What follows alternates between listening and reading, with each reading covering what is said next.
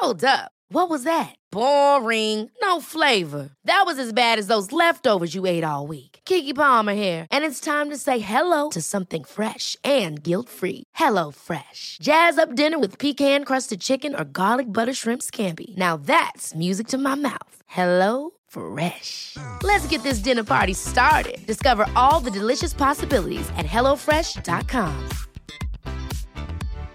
One size fits all seems like a good idea for clothes until you try them on. Same goes for healthcare. That's why United Healthcare offers flexible, budget friendly coverage for medical, vision, dental, and more. Learn more at uh1.com. Everyone knows therapy is great for solving problems, but getting therapy has its own problems too, like finding the right therapist, fitting into their schedule, and of course, the cost. Well, BetterHelp can solve those problems. It's totally online and built around your schedule. It's surprisingly affordable too. Connect with a credentialed therapist by phone, video, or online chat, all from the comfort of your home. Visit betterhelp.com to learn more and save 10% on your first month. That's BetterHelp, H E L P.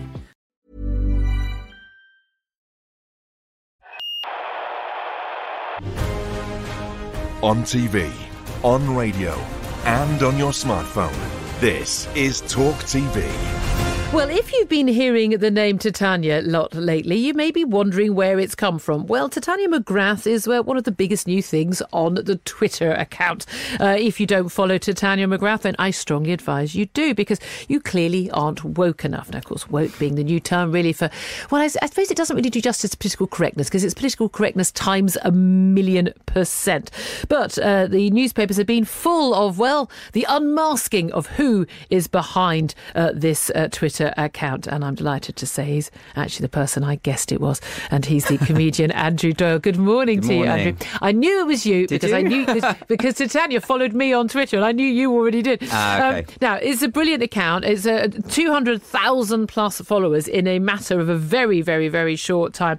Uh, and this uh, this account has taken the Twitter sphere by storm, mostly because people have been debating who on earth is behind it. Yeah. But um, the, the beginning of when it took people by storm was the fact that an awful lot of people, because one of my favourite things was retweeting what uh, Titania had to say, not realising that it was a spoof account. Let's just read out some of the uh, the uh, tweets you've sent out. And these are getting tens and tens of thousands of likes. You'll notice there's not a single obese player in the England football team. This kind of discrimination is precisely why the fat acceptance movement is so essential.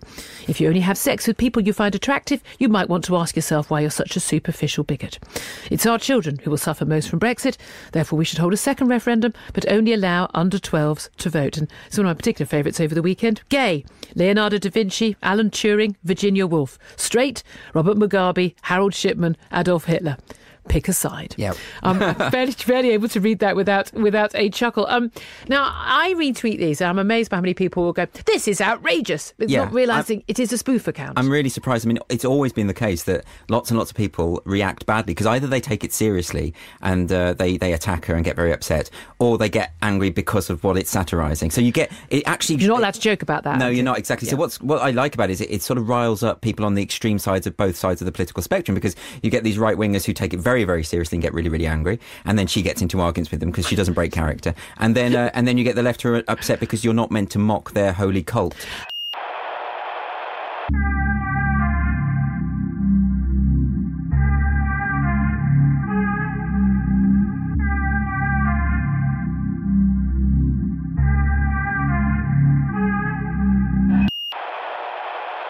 with Chang, it de- depends on really on the setting, whether he would like brag about having finance Quran burning or totally denies that he has anything to do with it. Yeah. Well, it, it, the, the idea wasn't to burn the Quran. It just happened to be like that. But never mind. Is there a big business in Quran burning? Is that like a thing? It's it's a growing. Uh, yeah, yeah. Because actually it is because Salwan Momika, he's burning Quran and he's also live streaming it. He's making money. right? out. and he, he's making money out of it. Well, that's on, uh, incredible because there's a well, there's a play by Christopher Marlowe which was written in the 16th century, which culminates in a Quran burning at the end. And modern productions of that, they don't do that bit. Wait, wait, wait! In a Quran burning? Yeah. Really? When what play this? is that? 16th century? 16th century. Christopher, Mar- Christopher Marlowe, who's a contemporary of Shakespeare, wrote uh, Tamburlaine Part 2. So it's the sequel, Tamburlaine Part 2. And at the end of that, uh, Tamburlaine burns his Quran on stage. Um, What? Yeah. Aha, so we are just copycats. You're just copying Christopher Marlowe. Christopher Marlowe was the same age as Shakespeare, but he his life was cut short because he was stabbed in the face. He was a spy, and he was he died at an early age. He was also a spy he was a spy. Really? too? Chang is accused to be a spy as well. Yeah. for, for, for Russia. so you should read this play. You you might Yeah, have a lot yeah, in common yeah, with Christopher yeah. Marlowe. What was the point of burning the Quran in the play, though? Well, because Tamburlaine is a uh, a Muslim conqueror, and at the end he he has lost everything and feels that God has forsaken him, so he burns the Quran. Ah, so he becomes an apostate. Yeah. Okay, that's something I have in common with him. Ah, there we go. but he's a hor- I mean, he also kills his son, and he he. I mean, he's a proper conqueror. Uh, lots in common. No, I'm joking. Yeah. There's a good scene where he's conquered this area and he's taken the kings, and he forces the kings to pull his chariot on all fours. So he's a kind of really sadistic. uh, wow. It's a good. It's great. I love it. It's great. I have to read it. yeah. Are you a big Tupac fan? No, uh, is that going to be a problem? No, no, because I see that you have uh, quoted him in the in the book, or or she has. She has. No, she's a big Tupac fan. Really? Yeah, yeah. She loves NWA, Tupac, um, uh, you know, um, Wu Tang. So we are talking about Tatiana. Yeah, yeah. Well, she Titania. loves. She only likes. Titania, sorry, She only likes uh, artwork or creative things that are done by people of color, on principle. Okay. So uh, rap. She loves rap. Where, where is she from, though? Or is it a she? Kensington. Yeah, she. Kensington. Or she. G, G, Yeah, with, yeah, with yeah. a Z, yeah? With with a Z. Yeah. Okay. Well, it varies. yeah, I was thinking of the McGrath. It sounds like Well, Australian. it sounds. Irish. Oh, So right. it's, it's an Irish name, which is a nod to that. I'm from Irish. My family are Irish. Um, but Titania is named after Titania from Midsummer Night's Dream, the Shakespeare play, because she's Queen of the Fairies. Hmm. The idea being, you know, I'm assu- I'm intimating that she is fantastical and a bit mad. Do you know what the first chapter is called in the book? Mein Kampf. Yeah. yeah. I mean, she's a victim. You know, Yeah. she's been through a lot. So, so can you tell us about about her? Who who is she? Titan. So, I mean, th- that started because I think it was uh, 2018. Because I was just getting really bored with uh, all the social justice stuff. Not just that, but that no one was mocking it, and it seemed to me inherently ridiculous. So, um, and I thought I would attempt to embody it, satirize it, as though I was one of them. and the best way was Twitter, because that Twitter is their battlefield, their playground. Um, so I created this character, and I had an idea that she would be a slam poet. Do you have slam poetry in Sweden? Yeah. we Yeah. we try Poetry. to. We try well, to. it's it's it's not. It's just bad poetry, really. Okay. Uh, so it's where you you you you don't have any scansion or meter or anything like that. You just sort of leave a lot of pauses in the wrong places and perform it in a really declamatory way. Um, Oh, the- yeah, I get it. I you've get it. seen, and it's Yeah, normally yeah. sort of. You know, it's bad. It's bad. Um, We but I in the suburbs here. It doesn't require talent No. or ability, so so she would love that. So she did that, but she thinks she's a genius, and the idea is that she thinks she's better than Shakespeare, better than Chaucer. She's the the best um, poet uh, who ever lived. and and the name. How did you come up with the name? So simple. Well, actually, it was a suggestion of a friend of mine, Lisa, um, and it seemed to fit for me because the name Titania, as I say, has an allusion to Shakespeare's character. Uh, so it's sort of, and it's also quite a posh name. So Titania. people in England or the UK who are called things like Titania or Sophia or Olivia, they're they're, they're privileged, and I wanted to signal that she was she was because I find it really funny that the people who are of- often berating other people for their about privilege are generally really rich. So she lives in a really rich area. Uh, it's I mean, probably how else are you going to find the time, right? Right. Exactly. Yeah. Well, exactly. She's independently wealthy. Yeah. So you can be So- either rich or unemployed. Yeah, I mean, look mm. at the Just Stop Oil activists. Have you ever heard them speak? They sound like their royal family. They, they all sound like a caricature. And they have names like Sage Willoughby and um, Hugo Ponsford, and and they and, and they those are actual real names of some of the activists, and they they speak. Hugo Ponsford. I think he was one of the Colston Four, one of the, the guys who pulled down the statue of the slave trader in Bristol. Wow. Uh, but they always have these really upper class names. And the reason they've got time to glue themselves to uh, a, a road um, is because they have don't have to work or to glue themselves to Van Gogh's painting. Did you see that in the National Gallery? So they, they, they went in there and they glued themselves to the painting and threw tomato soup at it and then shouted at everyone about how the world was coming to an end in this really plummy cut glass English accent, and it was very funny. You know, Uh, It's the same here. Like Yeah. when they glue the same thing? themselves to the road, it's always white people and some occasional Persian among Is that them. right? Yeah, yeah. Who they've probably brought along. It's probably one of their au pairs or something. No, it's, you know. it's like their dentist's daughter. Or yeah, exactly. like Yeah, it just shows that they're inclusive. Yeah. I did go to an e- uh, environmental um, uh, protest. I was writing about it for the Daily Mail, and I went there, and it was in Oxford Circus, and Emma Thompson showed up, and she'd just flown over from LA first class to, to, to lecture everyone about their carbon footprint. I really enjoyed that, um, and it was all white people, like the whole thing. It was, it was just what posh white people doing sort of with I acoustic hate guitars all the casts in the Harry Potter. Uh, on principle. yeah, Yeah. because what they did with the with the writer. Uh, Oh yeah, they Yeah. they threw her under the bus quite Yes. spectacularly. So that was a Daniel Radcliffe, Rupert Grint, and Yeah, what's all the, of them. the woman Emma Watson. Emma, I mean, yeah. she she's never been able to act. She's the worst actor in the world, and she should be really grateful that as a child she was plucked from obscurity, made a millionaire, made a star, when she has a no talent whatsoever. You would think she would be quite grateful to J.K. Rowling, but they all said Yeah. that she was uh, bigoted, effectively. I don't. And, What, and the fact that they were criticizing her is because she d- doesn't believe in intersexual or It's because J.K. Rowling has said that uh, that that sex is immutable. You can't change your sex, and it's actually a threat to women's rights. If Yep. you say that anyone can identify as a woman and enter into women-only spaces, such as domestic violence refuge centres, Mm. that is a threat to their rights. She um, wrote a, an essay explaining her view very, very succinctly and clearly on her website. And she is a victim of domestic violence herself, and that's where it comes from. You know, that's where, where her interest in this sparked. Uh, she's never said anything transphobic, hateful towards the trans community. Quite the contrary. Um, but this narrative has grown up because people don't bother to look and read for themselves what she actually said, and they've decided she's a monster. She gets rape and death threats every day for saying nothing. I have to say that Isn't it also so that one of the I don't know if they were celebrating uh, a, a couple of example uh, the copies, but even to the party she was not in, invited. She's not invited to her. No, they did a, an event, didn't they? Um, a Harry Potter reunion. Yeah, yeah, yeah. And she wasn't invited. I think she made the whole fucking Yeah. thing. yeah, they. I think they took her name off. so- Someone, one activist, created new book covers because they love the books, right? Yeah. But it's taken her name off, so you can buy this book that you can slot the book into, or had it rebound without her name. She's kind of key to the whole thing. It's like having a Muslim holiday and not inviting Muhammad. Right? right? It would be exactly like that. But, but I have to say though, like it, it seems that that here in Sweden, on on just this front, um, like this madness did not go as mainstream and it ha- as it has in the Anglosphere. Like uh, in, in the U.S., the it seems the universities have gone totally berserk with the whole like. Uh, uh, gender identity thing, identity politics. Yeah. Here it's like it's a, mm, it's it's a, mm, just but like it's I would coming. say a minority.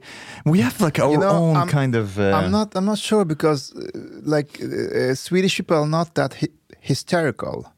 no, no, It's that's more true. passive aggressive. It, th- this, no, no, this, this has been going on even at the time when I was doing my doctorate, man. This is happening. Yeah, but not not mainstream in the same way. Like in the. It, it doesn't become a thing of the media, but I, I was at university working there Yeah. between 2010 and 2015. I was accused of misogynist behavior. Really? What did Be- you do? Because I fell asleep at meetings. Well, how is that misogynist? Well, because they said every time there's a woman leading the meeting, you fall asleep. And I said, well, there's a majority of women at this institution. So Yeah. the odds of a woman leading the meeting is higher than a man. Yes. And I can't be at meetings because I fall asleep. But what a strange conclusion that Yeah. they they thought it was a misogynistic protest. Yeah, they went to the board and accused me of using power strategies. That's to like, hilarious. Yeah. So Why- so it does why- happen here. This was 13 years ago. Why did you fall asleep? Because it's boring. Because I know what the meeting is going to be about. I mean, you know what the meeting is going to be about. We've had it like two times this year already. It's Yeah. the same meeting. It's Swedes the- loves meetings. I think Ah. I love meetings. Well, you, uh, yeah, I hate meetings. I, I used to work at a school where they, it was quite unionized and they had a limit. So after 45 minutes, people were allowed to just stand up and walk out of a meeting. We Really? couldn't have a long meeting, I was like it. great. I That was like- really I good. love it. It meant people got things done, you know. but I think, well, but just back to your point about Sweden, I mean, the passive nature of Swedish people. Someone said this to me last night that uh, she felt the Swedish people were, and she is Swedish. Uh, she was saying that we don't uh, like conflict. No. We like to go along. We like we're quite conformist. But that also means the seeds are there. You've got the fertile ground for gender ide- identity ideology to take root because no one will complain. Or Yes. fascism, or let's see. Or, or fascism, which, well, I mean, there's an overlap. So, so, so, so you, know? won't see the kicking and screaming. People will just go along. I think you will see kicking and screaming from a very small minority. I'm sure even a minority of Swedes are capable of kicking and screaming. And that will be sufficient for everyone else to cow and to Yeah. their judgment and say, okay, well, we'll just do whatever you say. I think it is coming um, because it, it seems to spread quicker in the Anglosphere. Um, but it eventually gets there. Now it's going to Spain and it's Italy. I mean, didn't we have it last year with the Konstfack? It's one of the most prestigious art institutions. Yes. So one of the rooms where you can have like meetings and stuff in, it's called the White Sea or something, the White Ocean. Yes. And the, the principal was accused of racism because they have a room called the White Ocean. You Yeah. know, Yeah, you know yeah, this. yeah.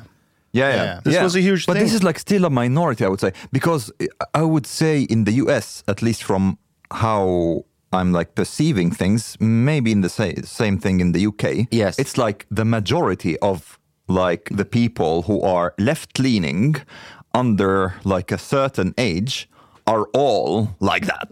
Right. Yeah, but, okay. but, but in terms so of like pop- everybody you meet, Yeah, it's no, like but that. it's, it's really important though that you understand that it's it's a minority of the population. So. Uh, 13% roughly of the UK is what you would call woke insofar as intersectional, identity obsessed, uh, pro censorship, all the rest Right. of it. That's a minority, but and they're a minority in every age bracket, but they have disproportionate clout because they're in all of the major institutions.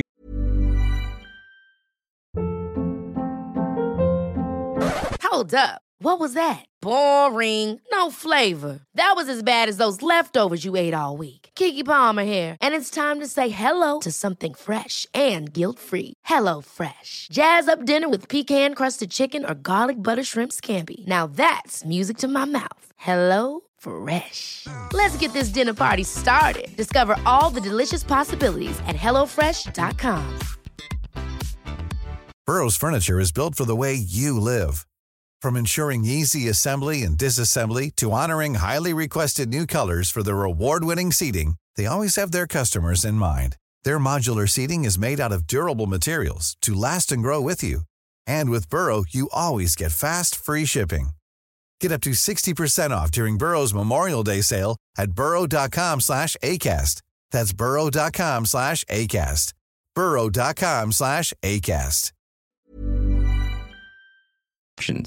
So they're in the civil service, they're in the government, they're in the arts, the media, academia, the police force, everywhere, right? And they've got disproportionate power. So it doesn't matter if it's a minority; it's what the it's where the minority are installed that determines whether it goes through. I mean, most people in the UK think it's stupid and think it's ridiculous. To give another example, when um, the Archaeological Museum at the University of Cambridge was told by the university to put up a sign next to the plaster casts of ancient Greek gods and Roman gods, and there was a sign putting up saying, explaining why they were white. They were And they- fictional. Well, no, worse than that, because they were saying basically, look, we're not saying that ancient Rome wasn't ethnically diverse. You know, that these plaster casts are white, but the reason they were white is because plaster is white, and, and people people know that, and they don't need to be told that. So, what, what I'm saying is, most people would look at that and laugh. But the trouble is, the people in power are the ones who write, that make the policy decisions, right? And that's why it could happen here if your government, and my understanding is your government's gone a bit more right leaning at the moment. Yeah. But if people, but it doesn't matter because I come from a country which has a, had, had a conservative right leaning government for 12 years and all of this has happened with, you know, you can't vote this out. You can be on the left or the right. All parties are kind of infected with it, I think. Well, how, how do you get rid of them? Um, uh, it's a good question. Some sort of pathogen, maybe. Um, I, I d- no, I don't know. That, does uh, labor camps work, you think? They, yeah, a gulag. Gulag, Uh, yeah. no, that's their solution. I don't want to ape their ideas. Um, I want to be more original. But. I'm very democratic. I want to give people what they want. Yeah, If exactly. they, if they propose this, I will give the, give it to them. Well, you know, there was a socialist group at a university in London. I think it was a, a, a- Goldsmiths University student union put out a statement, a pamphlet or something, talking about how the gulags, the Soviet gulags, were actually more like holiday camps, and they had sort of theatre clubs and drama and uh, music, and um, so they clearly they love it. You know, I have a theory about the Israel-Palestine conflict that is right now is making a huge split uh, to the left between the the intersexual uh, people Yeah. and also the real uh, left. The real left. I mean, the, the one who's um, klassamhälle. Vad fan? Yeah.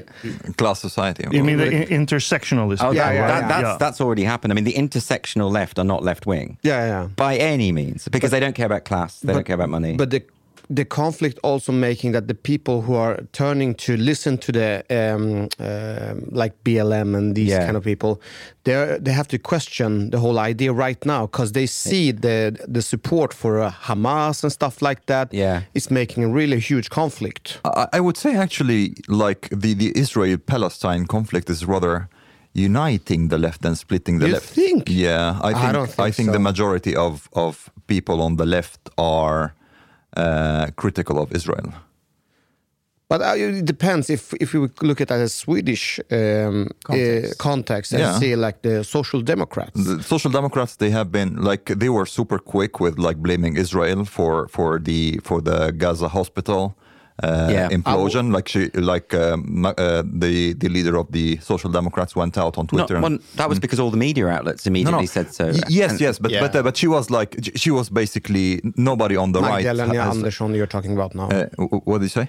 You're talking about the Magdalena Andersson, yeah, yeah. Uh, the leader of the Social Democrats. Yeah. And uh, the Social Democrats, for example, and the Green Party here in Sweden, they are not participating in, in like um, pro, uh, demonstrations against uh, uh, anti-Semitism. Yeah. Um, they are like very careful. Like um, so, it's uh, I would say it's it's uniting the left rather than splitting I, them. I, I'm not sure because I think that the because the people who are voting uh, towards them they are splitted into the two two groups. Because you have the on our one hand the people with the immigrant background and stuff like that, but you also have the Swedes that are really threatened about the scenes that they see here on the squares and about anti-Semitism and stuff like that, and they are not supporting that part. I I would say that they are. I, I would say that uh, anybody like who is a bit left of center, they are either they are oh, okay. There's two sides to this story, and it's complicated, and we know we don't know what to think about it, or they are like. Yeah, okay, like the UN Secretary General, like, you know, okay, Hamas may be bad, but this, because of Israel's treatment of the Palestinians and Gaza, th- this is like uh, um, more or less like the, the more you move away from the center towards the left, this is what you will get. Then far enough, you will be like, um, But I think that's turning people off the intersectional left, because you know. There, yes, there are complexities in the region, uh, and in terms of geopolitics, of course, there aren't any complexities when it comes to killing babies. That's No. just wrong, whoever you are and whatever you know. So, and I think when BLM put out that post, was it the Chicago chapter in support yeah. of the Hamas? Well, I knew they'd do that because they always used to uh, boast about their intersectional credentials on their website before they deleted it. I, I, I really think that the Swedes' sympathy for uh, Palestine and Arabs are kind of going down. Like when- when when they when they see the scenes from Stockholm, Yeah. Sergels Torg, the people were like a bunch of Arabs screaming. No matter if they're right or wrong, Swedes don't like that. Sure. They will just especially if they are anti-Semit. Well, yeah, exactly. Yeah, but but no, but just standing there and screaming. Ah, okay, the way they were doing. screaming, Yeah, yeah, expressing like, their like thoughts. Yeah, yeah, it's yeah. more about Swedes that they are racist than. well, no, no, no, no, no, no, because the demographic is just crazy. It's like, what the much- fuck is going on? Like, who- Swedes don't like noisy people. Yeah, Oh, is that right? exactly. So it's more an about It has yeah, nothing to okay. do with anti-Semitism. Yeah. They, No, no, they, no. they couldn't give you know less shits about that. But are Arabs noisy? yes, I was Not all Arabs. but here's the thing: Swedes won't say anything. They, So this comes back to your point about the conflict-averse nature of the Swedish culture. yes, they won't say to people, "What the fuck are you doing? Calm the fuck down." Yeah. they will just go and be really angry by themselves, and and they will vote for a, some some party. yeah. Right, exactly. So is that time. why you've ended up with a right-wing party? because It- it's, Uh, it's kind of. partly, but but the thing It's is, because of people like Omar. Yeah, Ah, I but see, uh, I see. but uh, I would say in the Anglosphere, like one of the main problems are wokeness uh, is wokeness, but uh, I would say in Sweden one of the main problems is what I would term conflict avoidance paralysis. Okay. Basically, they are trying to avoid conflict, whatever co- whatever conflict arises. That basically they become paralyzed, regardless of whether they like it or not. they're They- too nice, in other words. uh, too nice or too cowardly. There are there are benefits to that though. Uh, I mean, I was staying in the I'm staying in the old town, and there's so many beautiful buildings and architecture, and that's because they were neutral in the war and none of it got bombed. So there are there are benefits to staying out of conflict. Of, of course, of You know? course. This uh, just like becomes a bit more complicated um, if mm, y- y- you become less culturally homogenous in a Yes. way that there is a portion of your demographics that does not really have the same attitude when it comes to avoiding conflict. Well, that's as you do. multiculturalism. It, you know, it, it's not a good idea. It's a it's a racist idea. It's an idea that you keep you keep people ghettoized in their own areas. There's no possibility of integration. It also means that the the the minority groups within those communities, gay people, women, etc., have no chance of of anything. Uh, So it's a weird thing. It's it's a it's it's something. It's one of those policies that is uh, uh, described as progressive, but it's the exact opposite. Right. And I think it's really bad. I Personally. think, I think Swedes kind of thought that it sounds good on the paper. Yeah, exactly. Well, wokeness does because Yeah. they say it's all about being kind and being compassionate and being nice, and uh, and then they use terms like equity. They want equity, which is not the same as equality; it's the opposite. But people think they mean equality, and they they talk about diversity, and you think they mean diversity, but they don't. They mean conformity. Yeah. And they talk about inclusion, and you think they mean inclusion, but they mean exclusion of people who don't agree, and censorship. I mean, you have a doctorate in Shakespeare, right? So you've, you've read a lot of stuff. You've studied language. How, how important is language in this entire culture war game? It's everything. Uh, the culture war is, by and large, uh, a question of who gets to define the meaning of words. The, in tandem with that, the postmodernists uh, believe that our entire understanding of reality is wholly constructed through language, which is why they say things like words are violence. It's why they are supportive of censorship. It's why they say uh, Elon Musk and big tech have to censor what words online because otherwise it will create havoc in the real world. That's their view: is that language is everything. It's also why they play language games all the time, right? So, to give you an example of this. Uh, in, this might be a little complex, but it will give you a very example of the Orwellian nature of what we're dealing with. In the UK, the, co- the government at the moment is trying to do an, a ban on conversion therapy for LGBT people. Okay, do you know what conversion therapy Yeah, is? yeah, right. yeah, so. Back in the 60s, they used to put gay men in, uh, they wire them up with electrodes and try and torture the homosexuality out of them. That's conversion therapy for gay people. And so they want to ban that. And that's not great. But It's not happening, but let's ban it anyway, fine, because we don't want that to happen. But within that is trans conversion therapy. Now, what they mean by trans conversion therapy is when a kid comes to a doctor and says, I think I'm in the wrong body, if the, if the doctor says, okay, well, let's investigate that a, a bit. What's your background? What's going on in your life? Why might you feel this way?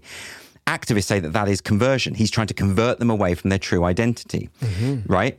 In 90% of the, those occasions, the kid is just gay, right? So what you've effectively got is a is is a trans conversion therapy.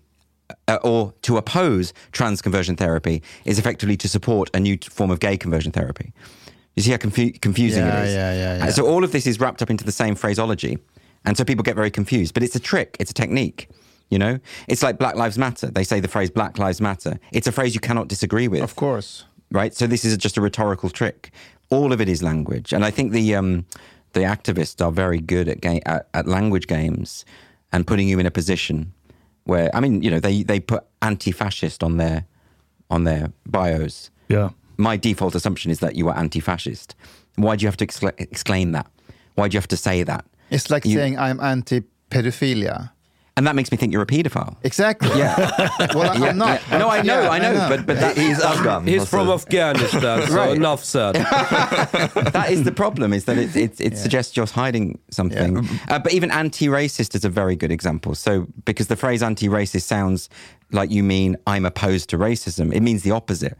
Because anti-racism, the discourse of anti-racism is the idea that you have to be proactive in the discovery of racism on the assumption, which has been propounded by critical race theorists, that all human interaction is underpinned at heart by white supremacy, and you just have to detect it.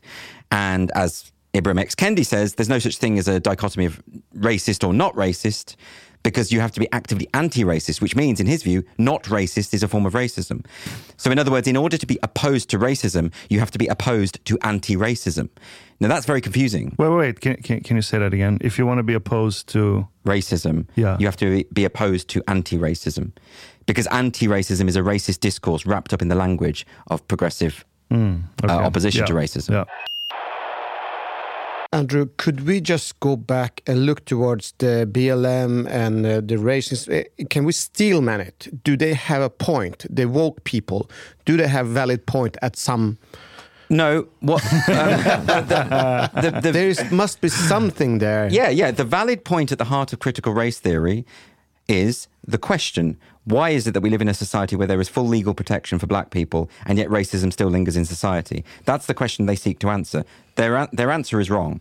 Their answer is that systemic racism, that the, the, the, at the heart of critical race theory is the idea that all of society has been created by white people in the interests of white people. Uh, isn't And- that true? No. There's white people and they created the. White... Is that the case in Somalia? No, not the whole world, but that- the that- West world. But, but that doesn't this mean that what they That's- im- implying is what they refer to is the modernized world, the wealthy world?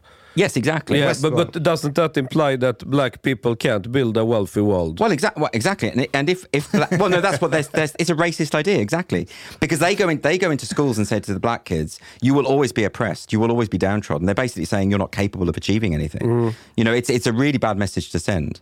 But yeah, it's um that that principle. Yeah, I no, the, the society hasn't been built through an identitarian lens. It's not like.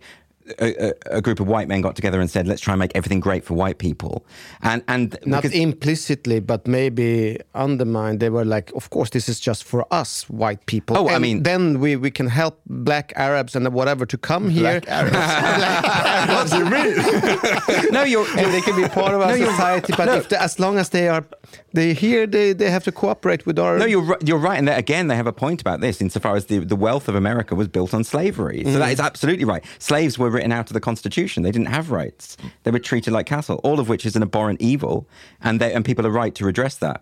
But that has been resolved for quite a while. You won't find anyone who's pro-slavery. Those people don't really exist. Well, they, they do, Well, but they are like in the very far, far right. But yeah. the- yeah, exactly. And there's a handful of them. No, just but say, to- to like, point- like before, Yeah. like in the um, uh, 50s, 60s, where Afro uh, black people in, in, in America, when they were growing up, Yeah.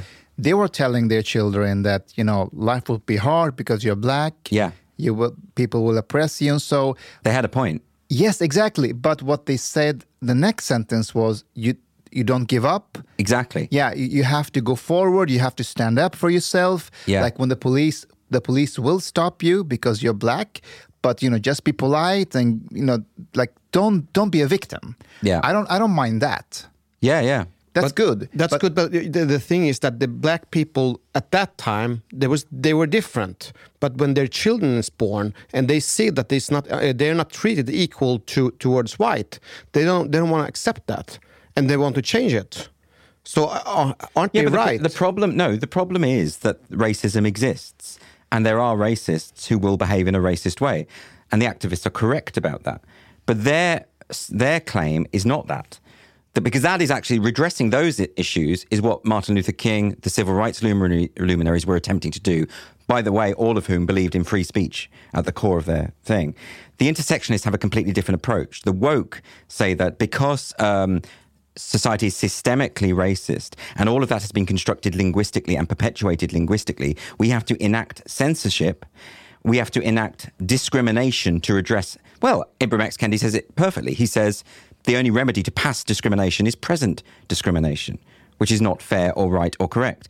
He, the critical race theory explicitly rejects liberalism. It rejects it. It says liberalism is the problem because racism still exists. Now, what the, what liberals say is that society and humankind are imperfectible. So racism will always exist. Yeah, exactly. What what liberals believe is standing up against it as and when it occurs, making society better in a piecemeal way, which by the way the last 6 decades have proved to be effective. It actually works. If you compare the 1960s to today, it's completely it's a different world because in terms of race relations because of the achievements of civil rights. What the intersectionists do is they want to unpick and undo all of that. They're explicitly against liberalism. They say that. Could I ask you, is is there a conflict between the liberal uh, way of seeing racism and also the left? Uh, are they looking at the racism in a totally different way? I don't think it's a left-right issue because because Uh, uh, but through their ideology and stuff. it doesn't really fit as a template because all sorts of groups. I mean, the, the, the, the, one of the key misunderstandings is that people think the woke are the only ones who oppose racism. No, the left oppose racism, the right oppose racism, religious people oppose racism. Because But maybe they you know- see it in a different way.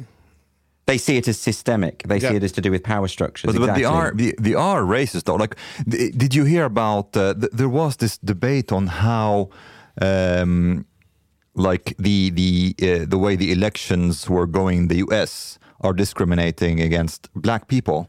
I, I didn't look into it so much, but I was like listening to Coleman Hughes on Joe Rogan recently, and you know what this is about? Those woke people said it's discriminatory because like you have to produce your ID. Yeah, And yeah. they said that black people don't have ID. They can't get. They don't know how ID. to apply for They it. don't have to. Uh, what, what the fuck? like Yeah. I was like shocked that this is like even something that you that you can say. It's really patronising. Very. It's racist. Also. It's racist, yeah, if you're black, you're not. be- You'll not be able to apply for an ID. Wh- What is that? Well, well, similarly, well, you know, I was in New York relatively recently, and I went in to buy some shampoo from a shop, and it was all behind chained glass, and you had to ask, and it, only, it was only like six dollars, and the reason was that in New York. Unless you steal more than thousand dollars worth, it's not a crime. So you can go in there and just fill your basket and walk out. Uh, and this is since BLM. And the implication being, well, you know, black people are going to steal things, aren't they? That's just their culture. Yeah, yeah, So you've yeah. just got to let them get on with it. And it's like- they legalize theft? effectively. What? Yeah. Are, are you lying, Andrew? No, you can check that. It's it's, it's, No, it's all I've in the public domain. it. It's absolutely true. They it started sounds insane. in Portland or something, right? Portland is a hellhole. I mean, it's just full of posh white people speaking on behalf of black people. I love those videos. Do you remember the autonomous zone, Chaz, the autonomous Yeah. zone in DC? And I remember seeing a video of uh, these posh white kids guarding the entrance, saying, "This is a black," uh, shouting at a black police officer, saying, "You're racist. You're system. You're Yeah, part I of the saw that. racist system." It's like, "You shut up, white white kids." it's pathetic. It's so funny. It's awful. Anyway. but but but uh, is there like um, when I think about all this and I because this is like very chaotic. Yeah. And is there a risk that this kind of triggers uh, a reaction that is on the other far Of course it side? does, yeah. That that basically because it gets so chaotic and disorderly at some point that the people okay we need somebody to f- vanquish this chaos and then they vote like fascists. Well, if, in. well, there's two things. Firstly, if you uh, uh, espouse a worldview where we're expected to see people first and foremost through the prism of race and their group identity, do you think just black people are going to do that? Because then you're going to get white nationalism. People saying, "Well, we'll do the same then." We'll, and that's happened. Right. Like because the far right, although it's still a very fringe minority group, they're escalating at a, an alarming rate because we have now uh, they're saying to themselves well those people are, are, are identifying in terms of their race and so we're going to do the same. And that's not good news and we see that where that leads. But also uh, th- th- exactly what you say people are going to start voting in the in the privacy of the ballot booth where you don't you're not open you don't have to tell people what you voted for. People are going to start voting for more extremist parties that can control this Right. because the left wing parties although they should take a hold of it are just going along with it joe biden. Joe biden who was nominated because he was considered the anti-woke candidate first thing when he's in office he passes an executive order saying men can participate in women's sports if they identify as women. Straight away. He's just like a puppet for the woke. So it's but then they'll vote him out Don't you think when he wrote, when he signed that, he was like, "What the fuck, really? I, I, I don't believe I, this." I don't think he was awake at Yeah. all. No. yeah, he but really he's like understand. 90 years old. I don't think he believes in that. No wonder. I mean, no. I mean, he he must see. Well, actually, people have woken up to it since they saw that picture. Do you remember Lia Thomas, the swimmer? Did Yeah, you yeah, see yeah, that? yeah. You know, this six foot three bloke uh, standing on a standing on a podium with these girls, teenage girls next to him, being like, "We should have won that." And everyone saw that photo. You know, and it was, and you know, he was getting undressed in front of them and all this sort of stuff. And you see that and you think, that no, it's, I mean, it's cheating, isn't it?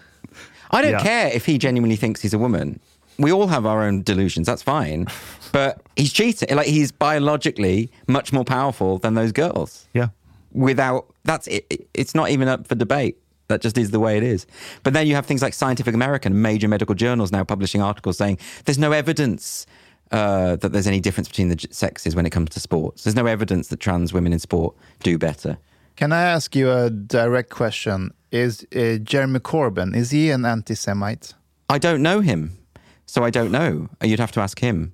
what would um, the I don't Titania think he say? I mean, Yeah, yeah. oh well, she doesn't like Jews. But Really? She says in the book, she says, well, no, she, she, she's got this thing about Ever catch yourself eating the same flavorless dinner three days in a row? Dreaming of something better? Well, HelloFresh is your guilt-free dream come true, baby. It's me, Keke Palmer. Let's wake up those taste buds with hot, juicy pecan-crusted chicken or garlic butter shrimp scampi. Mm. Hello Fresh. Stop dreaming of all the delicious possibilities and dig in at HelloFresh.com. Let's get this dinner party started. Hey, it's Paige DeSorbo from Giggly Squad. High quality fashion without the price tag. Say hello to Quince. I'm snagging high-end essentials like cozy cashmere sweaters, sleek leather jackets, fine jewelry, and so much more. With Quince being 50 to 80% less than similar brands. And they partner with factories that prioritize safe, ethical, and responsible manufacturing. I love that. Luxury quality within reach. Go to quince.com slash style to get free shipping and 365 day returns on your next order. Quince.com slash style. Imagine the softest sheets you've ever felt. Now imagine them getting even softer over time. That's what you'll feel with Boll and Branch's organic cotton sheets. In a recent customer survey, 96% replied that Boll and Branch sheets get softer with every wash. Start getting your best night's sleep in these sheets that get softer and softer for years to come. Try their sheets with a 30-night guarantee. Plus, get 15% off your first order at bollandbranch.com. Code BUTTERY. Exclusions apply. See site for details. Well, look with Titania, she she's she's uh, she says she's really progressive and loves Jewish people, but of course she she has this. I think she says she really admires them because they're so smart and cunning, um, and and so she reveals her anti-Semitism without you know that's the that's the point. She's a racist. So what's her position on the Israel-Palestine conflict? Oh well, she would she would take the high status position, high status. Uh, which would be Palestine. So she would be very pro-Palestine. also, she would think that Palestine is a, a haven for gay rights. Right. So she's probably going to do a tour of Gaza with her sort of uh, intersectional slam poetry because she thinks Gaza they're- Pride. She thinks they're oh Gaza Pride. She thinks they're allies. you know, because she's talked about this. She, there was a tweet I did where she quoted all the hate crime statistics throughout the world. She's like, you know, there's been a thousand arrests for homophobic hate crime in America, 500 in the UK, zero in Saudi Arabia. so Saudi Arabia is a haven for gay rights. It's wonderful.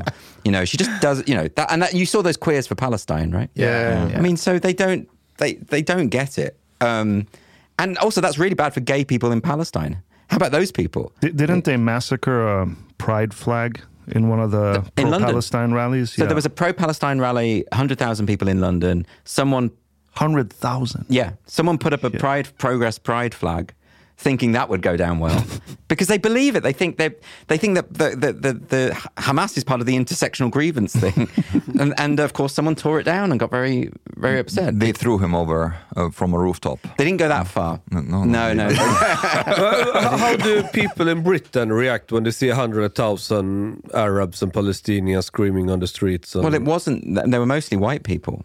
It was. Yeah, it was mostly white people. I mean, there were a lot of uh, people. It was diverse. It was a diverse thing, but it was it was um, it, mostly just. It was a left wing gathering. It was a, a, a left wing rally, really. I'm telling What- you, and this is like this is not just an immigrant thing. No, no, no. What I mean, what people were bothered about, I think, was when Hizb ut-Tahrir were there. By the way, Hizb ut-Tahrir, Yeah, I know. did I a know. did a thing about jihad, calling for jihad. Yeah, yeah, yeah, as usual. And Hizb ut-Tahrir are, of course, banned in most Arab countries for good reason. There were Yeah. groups calling for jihad in the demonstration here as well in, in Really? Stockholm. Yeah. but of course, then the Met Police. Did you see this? The Met Police tweeted out saying, "We didn't do anything because jihad means lots of different things. Uh, it, it can be just a walk in the in the garden in the summer. It can mean a kind of in, you know, peaceful."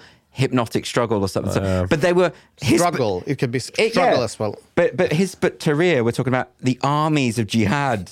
we must march against. I mean, the context was pretty clear. Can you tell me about uh, the politics in, in Britain right now? With, Yeah. With the conflicts with the Israel Palestine, how has the MPs and uh, Well, everyone's condemned it. yeah? Yeah, I mean, every every every major politician has openly condemned it. When Jeremy Corbyn condemned it, he also put a little caveat about, but we must support Palestine and you Yeah. know, uh, find, you know, usual thing. Uh, but he, but he, even he did condemn it. Um, So, so how, did, how did he do it? He was like, um, oh, Hamas is awful, free Palestine, or, or how, how It's sort, you- I mean, sort of like No. that. I mean, it goes back to your question whether he's an anti-Semite. The truth is, most most Jewish people, uh, by polling, believe that he is an anti-Semite. Yeah. Uh, he's not on record as saying things that are explicitly anti-Semitic, but he has, for instance, uh, he held a wreath at the funeral of one of the murderers in the uh, the Israel attack. Do you remember the uh, Olympic attack? I think it was. Uh, do, you- do you remember the? Uh, when was that? The, many many decades ago, where, uh, where uh, they, they they infiltrated the Olympics and massacred the Israeli athletes. Yeah. Yeah. And one of the murderers at his funeral, I think Corbyn, it was that funeral where he was holding a wreath and so- and he's described Hamas as our friends. What? Um, but no, but that, I mean, well, he says he was doing that strategically because he said he regrets that. By the way, I should give him his due. But he said that um, he was organizing some kind of uh, uh, round the table discussion, and so he said our friends in Hamas as a kind of rhetorical diplomatic thing, right? But even so, it's dodgy, right? You don't say my friend Jack the Ripper. You, you know, it, it's it's. I it's would a- say that. would you? But you're a contrarian. So yeah, uh, but if I was friend with Jack the Ripper, I mean, come on. well, luckily he's long dead. Um, but so I- I I think when it so no politicians have all expressed the, uh, their horror at, at what happened. I don't see how they could do otherwise, and I think it's sincere. I you know I don't know Yeah. anyone who who could honestly say that there's any moral justification for that. I've seen people try to make moral justifications, but those aren't people I would associate with. I can, But but uh, would you would you say that the support could waver at some point? Because I'm starting to get like a little bit. It's very obvious where things are going, Yeah. and it's kind of like starting to get obvious how the reactions will be, because the the world is like it's now what like according to Hamas like maybe mm, close to four thousand people who have died in Gaza recently, yeah. something like that. But this number would climb up drastically when when when the when the incursion starts. Yeah. and like it, it- take just like Hamas fighters, it's estimated that they have between. 40,000 to 70,000 people or something like that. So these people will die. so you will have like um, like north of 100,000 deaths Yeah. in Gaza. yeah. Uh, and like uh, take in the West Bank and Lebanon when those fronts will open up as well. So we will have like probably up to maybe close to a quarter million people or something like that. And I wonder would the West and would the UK still stand by Israel's side when the death toll climbed up so high? So I mean, it's it's so hard, isn't it? And uh, so long as Israel continues uh, making as much effort as possible to avoid civilian casualties, which is what they are currently doing, and of course, I know there have been arguments and debates about how they failed on that camp in the past. I'm not negating that, but at the moment, that is that is the, the fundamental ethical difference here. Right. You can't really compare a group that deliberately target and torture and rape civilians compared to a military operation where they deliberately try to avoid 100%. civilian. They are not morally comparable. And of course, the, the civilian deaths in, in Gaza at the moment, the, the fault of that lies with Hamas. Of course, Absolutely. There is no there is no choice. I don't think Israel has a choice but to attempt to wipe Hamas from the face of the earth. There, there's no choice now. They, they don't, but at the same time, there is this very strange, and I think because of, of the absence of war in the West for a long time, Yeah. there is very strange, naive expectation that no civilians die, die in war. Well, it's because we can no- see it. It's because of video. It's because of internet. We see it now. Yeah. So, so any, any combat has civilian deaths. We know that, but because we are seeing them all live streamed, right. it it looks. I mean, it's horrible. And I think also like because of like um, some kind of moral progress uh, i i when it comes to like respecting human life that we have like gone through like in the in the past decades culturally Yeah. we're no longer as comfortable with like collateral damage as before Yeah. but in in war innocent people die and it's very tragic but uh, but you don't target them. I mean, this No, was, no, no. but this is why the bombing of Dresden by the uh, by the UK during the Second World War was such an atrocity. It was not justifiable. I mean, they were deliberately targeting a civilian area and, and committed committed mass murder. In my view, it's not it's not right. And and and it, people recognised that at the time. You know, when um, during the Raj, the the, the Amritsar massacre. Similarly, I mean, pe- pe- people people use that as an example of the evils of the British Empire. But at the time, it was denounced by every major politician, Right. saying this is an evil. You can't do this. So that's the that's the fundamental distinction. The problem now is that innocent Gazans are going to die as a result of Hamas's actions. Right. Can you can you give give us some tips because for the past like week or two, when I'm engaging about Israel Palestine uh, with some friends or people I know, it's it's really like they can say, they, will say yes, I will condemn Hamas, but then you have to say that Israel is a is a terrorist state. So what do they want then? Well, I, I think that I would ask the question. Yeah. What What is it you actually want? Uh, you know, all these people marching pro-Palestine said, "What do you actually want? Do you want a two-state solution? Because Hamas don't. Do you? Like, do, Hamas's charter says what it wants. It wants Israel wiped off the map and all the Jews killed. So it's very explicit. So is that what they're saying the solution is? Because if that's the solution, it's not a solution at all. But I'd say uh, the tip is ask the question. Get them to say what it, what their objective is. How, how do they see this ending? Because, I mean, I don't know, but the people I talk to, they, they say pretty, pretty clearly, like, free Palestine from river to the sea. Well, that means destroy Israel. Yeah, depends It- on their uh, on their on their background. Uh, I think it, it gets more confusing if they are Westerners. You know, these are like it's it's almost like they haven't thought it through. Because I understand because I used to think that way as well. Yeah. I come from Egypt and I used to like be like um, one of my childhood dreams was to join Hamas. Basically, Really? yeah. So I I, I really understand the other side. Yeah, yeah. So for them, I know that they just like want all the Jews outside out of Israel. They don't. But they say it. Israel. They say it explicitly. No one- no one's lying but, about But the, the ones that I don't understand are the Westerners who join these demonstrations and they say that they want a free Palestine. What do what do you mean? Yeah, like free Palestine with Hamas? They or don't know what they mean. yeah, exactly. They, They- want- they they haven't want to thought it. side with victims. That's I the mean, question. yeah. So that's why I would ask the question. Because unless they can answer that question, it means their stance is basically incoherent, isn't it? Mm. Unless you know what you mean by free Palestine, what's the point in? It's just a slogan. It's just empty. It doesn't mean anything. Isn't the entire narrative false? I mean, from the you beginning, it's it's as if there is this huge group that's united that's called the Palestinians. Yeah. and then you have everyone else or the Israeli Jews. But but you you have to take into account that you have two million Arab Israelis. Yeah, who could have called themselves Palestinians, But They could call- not. and exactly, and that's interesting. Why don't they call themselves Palestinians? All the Arabs who've left that area and went to Dubai and other countries and Yeah. the US and built careers and work and do all these normal things, they don't call themselves Palestinians. Right. Yeah.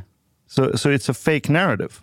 Because it's better to live in Israel, Yes. isn't it? Yeah, it is. Of You know, course it so is. that's that's clearly the case. But isn't that because the Jews are white and the world is run by white supremacy? That's what they say. Uh, Have you met a Jew? Have you ever met a Jew? He's, he's one. but uh, they do say that, white. don't they? But they forget, of course, that Israel is majority not white. But but, but to still man their their position a little bit, like I would say that there is, ethnically speaking, there is a group that identify as Palestinians, right? And and they want to have a state. But what, what's the difference between a Palestinian and an Arab? Um, it's Aside from the fact that you happen to be uh, cultural, like like in any in any ethnic like an ethnic group, like cultural heritage. Uh, like uh, you can you can say what's the difference between an Egyptian and a Palestinian, for example. Like cultural heritage, like maybe ancestry in in the in, in the in this uh, geographical uh, location. Dialect, for example, they have a very different dialect from from other. Yeah, but um, i- i- isn't Palestinian as a nationality a rather new concept? As a nationality, yes. Yeah. It's but I thanks to mean, the Jews. It's the same thing for all Arabs, basically. it's like uh, it hasn't, it hasn't, it doesn't go like back very far. Yeah. Um, uh, yes, but th- they do want a state. It's just the. This is why I have a, a very big problem with talking about moral stances and feelings when it comes to this issue, because you cannot really talk about that without talking about practical reality. Yeah. Like, what do you want? So I, I would tell them, okay, so you have a group of people, the Palestinians, who want to have their own state, but they want to have it all, all the land, and they want all the Israelis out. Okay, deal with this. Now, how will you have peace? What peace are you talking about? They don't want peace. Um, they want peace only when the Jews are out of the whole region. Um, so, what do you think Israel should do? This is the question that nobody poses really, and th- this is very frustrating. Like these people who are criticizing Israel, what do you want to do? What what what should should they just let Hamas be and like hope for the best? What what what do you want them to do? Well, that's the question. That's the what, big question. What would um, Titania say? How uh, would she reply? Does she have a solution to the Middle East crisis? I think her solution is, is poetry. In, intersectional slam poetry. she will go there and they will unite. I think that's it. But wouldn't wouldn't it be the same if you would ask a very hardcore woke intersectionalist? Yes. What do you want? Oh no, but they, they do answer that. I think they want an end to injustice. Right. and doesn't it always imply wiping some group out of face of the earth? the one that has more power. yes. Oh. Yeah. Well, yeah, that's right. They, I mean, they. Because it sounds a lot like anti-Semitism. It's the same core blueprint. Yeah, I mean they, uh, they well they because they believe in these power structures and these hierarchies of privilege, and white people are very much at the top of that. Those are the most privileged people, and therefore we must they must be demonized, etc. Uh, yeah, I mean I don't think they've thought it through. I don't think they've thought what their end goal is actually. I think it's a kind of we know what where it leads. You know, when you implement woke ideas, society collapses. So we know where it ends up. It's just a, a dystopian wasteland. But I don't think they they they haven't thought it through. They haven't given you like a blueprint of where exactly we're going. It's not it's not a, a coherent ideology in my view. In fact, I'd say it's internally incoherent, and that's part and that's a feature of it, not a bug of it. It's meant to be confusing. It, it makes perfect sense. Does it? that that their ideology doesn't make sense. That makes sense. Well, it's the, it, because it's the idea of the promotion of. Uh, well, it's because okay. Here's what it is: they're not interested in reality. That's why it's a problem. That's why when you watch CNN reporting on the mostly peaceful protests in Kenosha, and behind the reporter are burning cars and buildings, you look at that and think you, you're describing this as mostly peaceful, but we can see that it isn't. But the woke believe everything is to do with language. So if they call it mostly peaceful, then it is. If they call a, a woman a man or a man a woman, then they are so. So, it's just about the language that they use. Truth doesn't matter. And, and the But- but reason, it- the reason also does not matter. Math does not matter. Like Math is uh, racist. Yeah, exactly. Like this is like Yeah. we when we had like this uh, math mass is mig- racist. They say that explicitly. So uh, But Professor it was the Arabs who invented They the don't know that. Uh-huh, They don't know that. So, so for instance, um, they know nothing of history, and when they do learn about history, they just rewrite it, like the 1619 project. You know, they just even their own fact checkers said, "Hang on a minute, this this is weird." um, so they just they just rewrite history, but they do it in real time. So they'll say like, uh, "Oh no, that didn't happen. What we all saw happened. It didn't actually happen." You know, they just change things. Um, but maths, there's a professor called uh, Rochelle Gutierrez, uh, who is a, one of these whiteness studies professors or, um, Whiteness or something. studies, yeah. She says um, mathematics is inherently to do with whiteness. You know, Titania makes a joke about, well, a joke. She says, because the KKK used to intimidate people by setting fire to plus signs uh, to, to intimidate their victims. And she says that. So, mathem- and they've had all these people online talking about how, you know, how in George Orwell's 1984, it ends with Winston Smith saying two plus two equals five because the party has told him, and he believes it. By the end, he believes it Right. because the party has repeatedly told him two plus two equals five. Now you have woke activists deliberately saying that, saying actually two plus two can equal five. Um, if you're the uh, right color. not even that. I mean, I'm talking about mathematicians, but activist mathematicians are now saying precisely that. There are huge debates going online about about What the this. fuck? They they deny reality. They do what they call gaslighting. Yeah. Uh, they completely deny reality because it's all tyrants in history have done this. They will make you, tyrants make you say things that are not true as a means to exert control. and and actually uh, maybe even a, a show of like an, as, a, as an expression of loyalty Yeah. because if you are willing to commit to an outrageous statement or idea Yes. that means that's like you know you're really showing that you're loyal to whether to the group or or to the leader and so on Uh, Well, exactly. I mean, that's what that's the point of 1984. That's the whole point of this.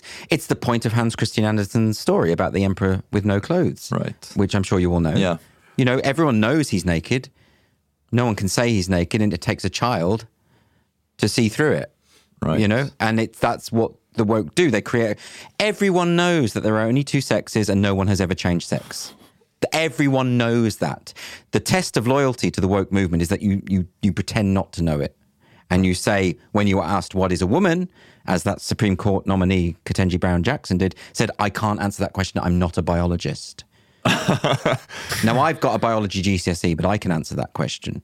Uh, you know, I'm not very informed, but I know enough to know that that's that's wrong. The fact that politicians panic when they are asked what is a woman tells you that there is a ruling ideology that says we must lie. There's a mob. Uh, Yeah. And the same thing happened also when it comes to like speaking of like not offering real solution and re- rejecting reason. Yeah. Uh, when it comes to mass migration and when people were trying to say, okay, but like what limit can we Right, have? Like what right. number?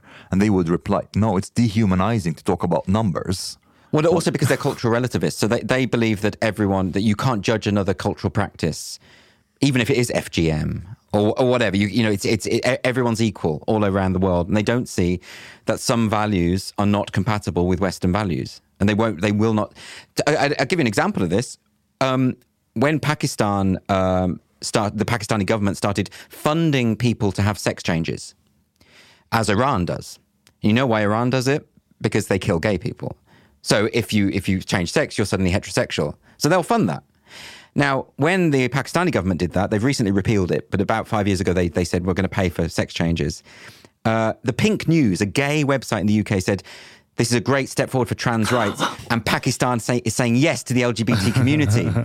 no, they're trying to surgically erase gay people, you Right. idiots. And but but they can- so they'll twist it in order to because they're minorities. You know, the the uh, the Muslims of Pakistan are a minority, and therefore they must be noble. It's the old noble savage idea. It's the old the, race. it's the biggest minority in Pakistan. It's a huge Pakistanis. minority. Yeah, yeah, exactly. Uh, uh, you- you're of course familiar with uh, Douglas Murray. What, how much noise did this uh, statement of his uh, made recently in the UK, or and what do you think about it when he said that everybody who professes um, sympathy or, or loyalty for Hamas to be stripped of his citizenship and basically transported to Gaza? yeah, uh, I heard about it. Um, I don't agree with it uh, because ultimately I do believe in, in freedom of speech, even if it's speech that I find abhorrent. Um, but you know, Douglas uh, is a brilliant guy. He's he's very intelligent, lovely, lovely guy, and is is uh, maligned unfairly, I think, by people who you know just hate what he has to say. But I think he's coming from a background of having. He wrote a book about this called "The Strange Death of Europe." He's gone out of he meet he's gone out of his way to sort of investigate this, talk to immigrants. He, um, he understands and appreciates why people want to move to more prosperous countries. You know, the, the, idea that he it's not that his ideas aren't based in a, a humane perception is false. It, it- you know, he understands it, but he also thinks that culturally we become immiserated when m- migration is um, uncontrolled, and he has got a point. I just disagree with him on that point. I think the better solution to that kind of thing is to is through uh, assimilation, argument, and protest. I think I don't have a problem with immigration so long as people sort of accept that the values of Western society include, for instance, free speech, uh, liberty, that you have to adopt those values. But what, you- what if they say they don't want to? well, then I think there's a problem. Yeah, but what, what are you going to do about it? This is this is I think Well, well, no, we have a system. We have the law. So, so the, the the the system of social liberalism is quite straightforward. You can do whatever you want with your life, say whatever you want, believe whatever you want, act however you want, right up until the point that you encroach on someone else's rights. so, we, so we have that. So, if you believe that free speech is wrong, and that the infidels must die, or whatever, I say you're free to believe all of that. But when you act upon it, then that's against the law and you are imprisoned. But that's laws are laws are not natural laws. They're not. though. No, no. So, for example, let's say if you suddenly uh, infuse your your society with I don't know um, a very big proportion of people from from the Middle East. Yeah. Let's say half of the UK becomes Yeah. people from the Middle East. Mm, Laws can change. Well, this is precisely what, but that it, that comes about from a failure to uphold the principles of liberalism. It, it comes from a. it's when the UK government says, "Oh, you can have your Sharia courts, you can have a parallel system of justice." That's a failure. I, I think what Omar is trying to say that when you have a huge uh, numbers, Yes. they can they can be part of changing the law. Absolutely, yeah, that's right. Uh, and But when that's they why change you- it, when you're changing the law, then you're uh, acting according to the law. That's right. That's right. That's why you have a, a sensible system of migration, So where, that you don't, that, that where you, you- don't have unchecked migration. Yeah, exactly. That Yeah. that means that you have to have a restrictive That's not enough mi- deportation. no, no, no, no, no, no. I'm I'm talking about migration in general. yeah, Restrictive yeah. enough No. I'm not against a mm. sensible migration mm. policy, but, but but and a sensible migration policy would include not having uh, mass migration to this extent, to the extent that you can no longer control the way the culture goes. Right. Which is what's happened. Someone told me the other day that 47% of people living in Malmo are not born in Sweden. Yeah. Mm. Yeah. I, I found that difficult to believe. I thought it wasn't true. It's true. But apparently it is. Now, that is unsustainable, or quite obviously unsustainable. A culture will fall apart. You, you, you will surrender to... Okej. du har lyssnat så här långt. På sista måltid, En mycket fin radioprogram i Sverige. Du tycker det är mycket trevligt. Men, lyssna på mig nu. Det här var inte hela avsnittet. Det var bara en liten smakprov. Hela avsnittet Helafsnitetarnym nämligen mycket längre. Om du vill lyssna på alla hela avsnitten, då du måste betala biljet på klubb klubzista måltid. De har grabbarna de behöver pengar. Flis. Lax. Stolar. För att betala räkningar. Shoppa blodpudding till familjen. Åka tunnelbana. Eller dricka en kall Norrlands uteservering, ibland. Läs i beskrivning för avsnitt, där det finns information för att bli medlem på klubbista måltid. Det kostar som ett par kaffe latte ute på torget. Per månad. Som ett paketerbjudande, helt enkelt. Lätt som en plätt. Tak, min vän.